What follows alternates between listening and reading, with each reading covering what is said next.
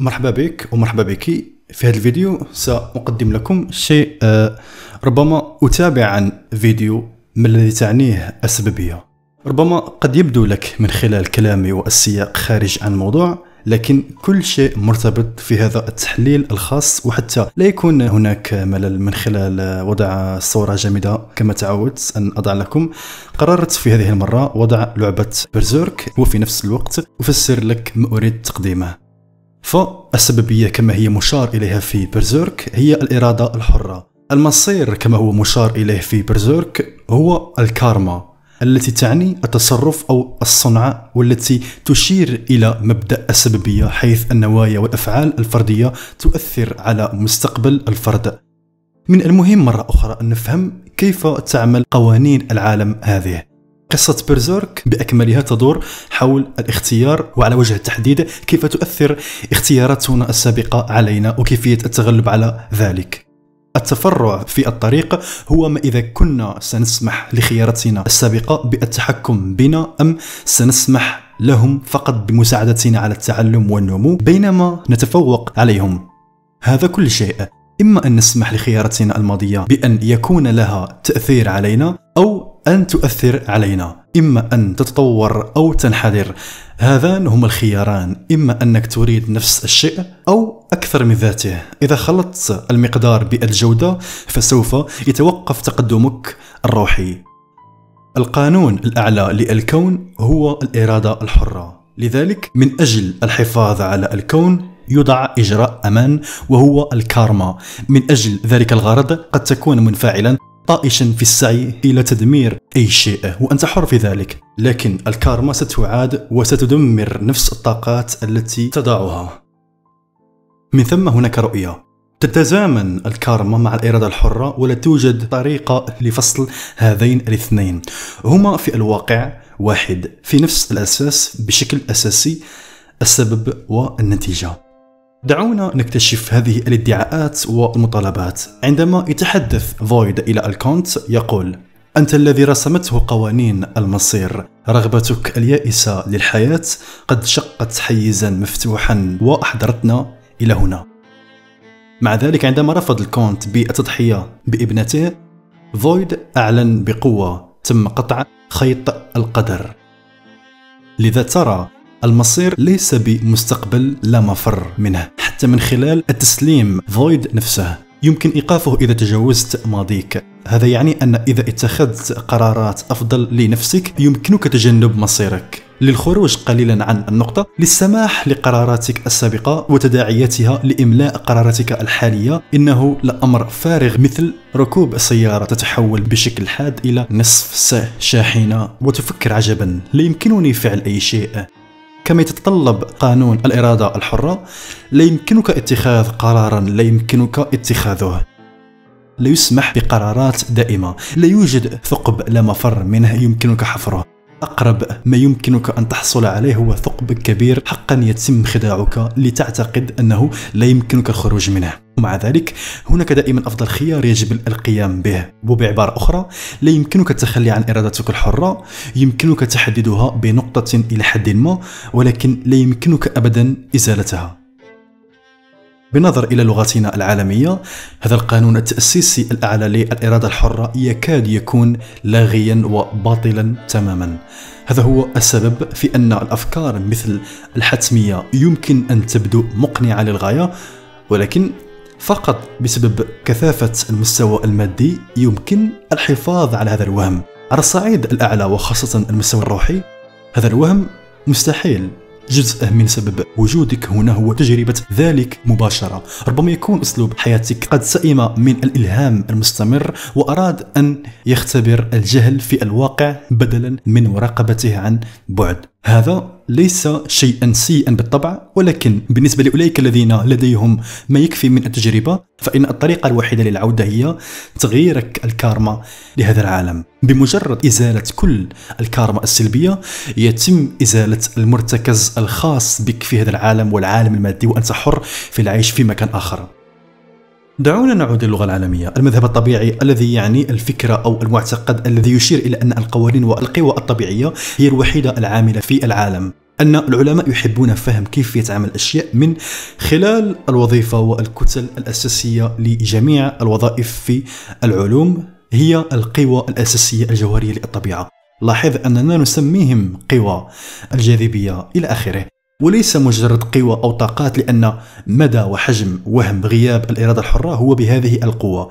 كل شيء كما هو في العلم لأنه أجبر على أن يكون. لكن القوة زال في معظم الحالات الطبيعية يتم التعبير أو الإعراب عن إرادتك الحرة بوعي. ولكن في الأماكن الكثة حيث يتم من الممكن أن تكون مليئا بالظلام والجهل يمكنك تحريف إرادتك الحرة إلى قوة. ومع ذلك إذا قمت بذلك فأنت تنتج الكارما لنفسك والتي ستفرض عليك الأشياء بمرور الوقت. إذا أنتجت ما يكفي من الكارما فقد يستمر. هذا لفترة طويلة قد تنسى كيف حدث ذلك في المقام الأول. تعتقد أنه طبيعي. ومن هنا نسميها قوة أساسية أصلية بسبب كيفية استخدامنا إرادتنا الحرة في الماضي. لم نهرب بعد من فخ ركوب موجة الماضي. إذا نظرنا لشخص مثل غاتس كيف يمكننا تفسير حياته؟ يشار إليه أكثر من مرة في القصة باسم المناضل. ما الذي يكافح من أجله بالضبط؟ الرسل الشر الامتثال نفسه؟ كل ما سبق صحيح. ترى جزءا من سبب كون غاتس ناجا أو ناجيا فعالا لأنه قرر القتال ضد الكثير من الأشياء لفترة طويلة. قرر أن يلعب دور ناجي هذه الكارما تواكبه في حياته الحالية حتى منذ ولادته وفي الواقع يساعده على الاستمرار في البقاء. ولكن من أجل البقاء يجب أن تكون قريبا من الموت. لذا فإن حظه الشيطاني هو نعمة ونقمة.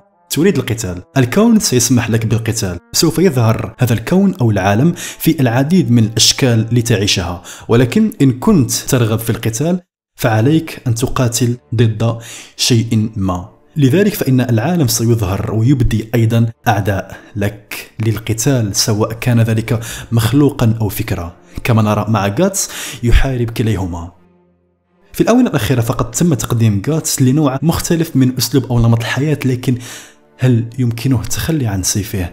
هل مستعد للسماح لنفسه بالموت؟ أم سيستمر بالتمسك بالحياة في النضال؟ إذا لم يتخلى غاتس عن كراهيته للرسل ونفسه فسوف ينتهي به المطاف في الدوامة التي تعذبها الشياطين التي أنشأها تماما مثل فارغاس. هذا يحدث بالفعل إلى حد ما ولكن في المستوى النجمي ستكون المشاعر أكثر حدة كل الحياة مثل التيار أو المجرى. هذا هو السبب في أن إرادة الجماهير والكتل مهمة. إذا ذهبت في عكس البذرة فأنت تكافح لأطول وقت. غاتس يسير ضد التيار. الآن لقد تغير ولكن إلى حد ما لا يزال يقاوم التيار لكنه لا يحاول محاربته بالكامل فهو يمثل صخرة في الماء وليس سمكة تسبح ضد التيار. قد تعتقد أن محاربة الحواريين أو الشر هو شيء جيد حتى أنه واضح. لكن هذا ليس الخيار الأعلى الحاسم. الكارما ستبين لك من خلال هذا القرار دائما باللدغ في الأخير. كما هو الحال عند جاتس في الكثير من المرات. الطريقة الصحيحة للرد على الشر والرسل هو الاعتراف بعدم وجود شيء للقتال. بمجرد أن تدرك أن لا أحد هو عدوك وأن اللولب الكامل المعزز ذاتيا للقتال المستمر هو صنع ذاتي. يمكنك أخيرا تجاوز هذا الوعي تماما والبدء في اتخاذ قرارات أفضل. وكل تلك القرارات سوف تكون قرارات أكثر إثارا قائمة على الشمولية بدلا من اتخاذ قرار يعتمد على ازدواجية النحن مقابل هم لنفهم كل هذا دعونا نعود لاقتباس آخر لفويد جائز حدوثه يقول في هذا العالم هل مصير البشرية يسيطر عليه كيان أو ناموس قانون متعال؟ هل هي مثل يد الإله تحوم الفوق؟ على الأقل صحيح أن الإنسان ليس له السيطرة حتى على إرادته هذا بالطبع هو فهم الكائنات المتساقطة الذين يشعرون كما لو أن لديهم فقط الإرادة الحرة والجميع هم عبيدهم ولكن حتى الإنسان لديه السيطرة الكاملة على إرادته. لا يمكننا خداع أنفسنا في الرؤية بشكل مختلف عندما لا ندرك الكارما الخاصة بنا في شكل خياراتنا الماضية التي لها مثل هذا التأثير علينا. رفض تجاوز الوعي الذي خلق الكارما؟ سخرية هو من المفارقات جعلت من الحفاظ على نفس الوعي لبعض الوقت أقوى. الآن لنذهب ونلقي نظرة على محادثة فلورا الأخيرة قبل وفاتها. عندما أنهت تحضير درع الهائج فارس الجمجمة أخبرها لا يوجد سبيل في أنك لا تدركين مدى خطورة الشيء هذا. تقول أنا على علم لقد راقبته لفترة طويلة ولكن السبب الذي يجعله ضروري هو لهؤلاء الأطفال في رحلتهم. فارس الجمجمة يقول إنها كرمية من الكارما غير أن فلورا رضخت ورجعت عن قرارها قائلة. لا لا أعتقد ذلك. الناس قد يبدون أنهم يكررون نفس الأخطاء ولكن الكارما ليست حلقة أو دورة على الإطلاق. في الواقع هي حلزونية لولبية. هؤلاء الأطفال ليسوا ملزمين باختيار نفس المسارات التي قمت بها وما قمت أنا بها. هذا له معاني كثيرة لكنني أود التركيز على الكارما كونها لولبية. بالعودة إلى تشبيه السيارة بالقيام بالدوران الحاد الذي يوشك بضرب مركبة أخرى سيكون من السهل في الواقع متابعة القوة الدافعة للماضي والسماح له بالحدوث مثل ما يفعل الكثير من الناس. لكن يمكنك أيضا أن تتعارض مع اختيارك السابق وتدير للاتجاه الآخر. الأمر لن يكون سهلا لأنه يجب أن تعاني من كمية القوة الدافعة من زخم اختيارك السابق. ولكن هذا هو السبب في وجود اللولب. لست مضطرا إلى التغيير الكامل على الفور. يمكن أن يكون التغيير تدريجيا. في الحقيقة هكذا يجب أن تكون عليه الأمور. إذا كنت ترغب في رفع مستوى وعيك فلا يمكنك القيام بذلك بقفزة كبيرة واحدة لأن كل شخص لديه مستوى من أفق الوعي. هناك حد لما يمكنك رؤيته. أنت قادر على أن ترى فقط أعلى حيث أنت ولا شيء أبعد من ذلك. بمجرد الصعود إلى تلك النقطة في العلياء يمكنك رؤية المستوى التالي وما إلى ذلك. هذا هو اللولب الصاعد والذي يسمح للكارما الإيجابية بمساعدتك على قيادتك.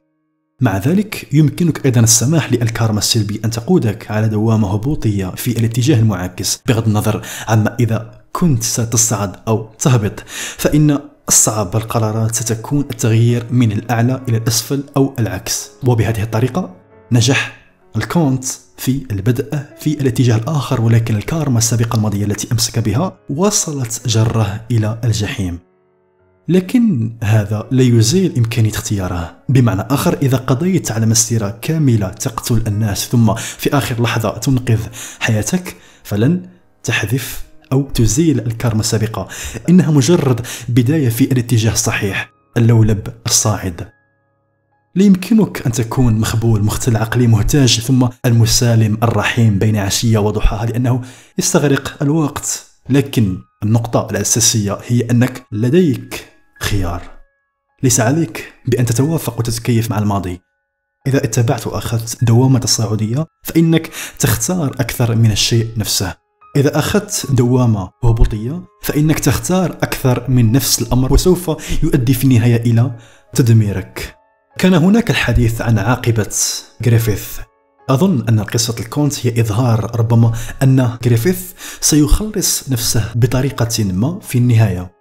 الهدف من القصة هو أن الشخص الذي قام بتفعيل البيهليت والتخلي عن إنسانيته من قبل لا يزال بإمكانه اكتشاف إنسانيته. كان الكونت لا يزال يحب ابنته. وغريفيث كان لا يزال يحب جاتس على الرغم أنه يحاول المرور أو عبره كطفل شيطاني. بالمناسبة عندما اختار غريفيث التضحية فويد لم يتحدث عن المصير. قال الخيوط المجمعة أو المكتلة من خلال قوانين السببية صارت الآن مقيدة. الوقت الموعود قد جاء. الفرق بسيط. الخيارات السابقة يمكن كسرها أو تغييرها ولكن يجب احترام الخيارات الحالية. كل ما يعني حقا هو أن الحاضر هو كل ما يهم. وهكذا فإن أولئك الذين يشعرون بالقلق من الماضي سيسمحون لها بأن تحكمهم. ولكن هناك من يعيش هذه اللحظة. وقد مثل هذا من قبل غاتس وريكيرتس عندما كان غاتس يمضي ويسير في حالة الهيجان وريكيرتس قرر التخلي عن خسارة وفقدان الصقور من خلال العيش مع غودو وإريكا لا يجب أن نفسر ما لديها التعبير الأعلى عن الإرادة الحرة هنا. تحياتي للجميع.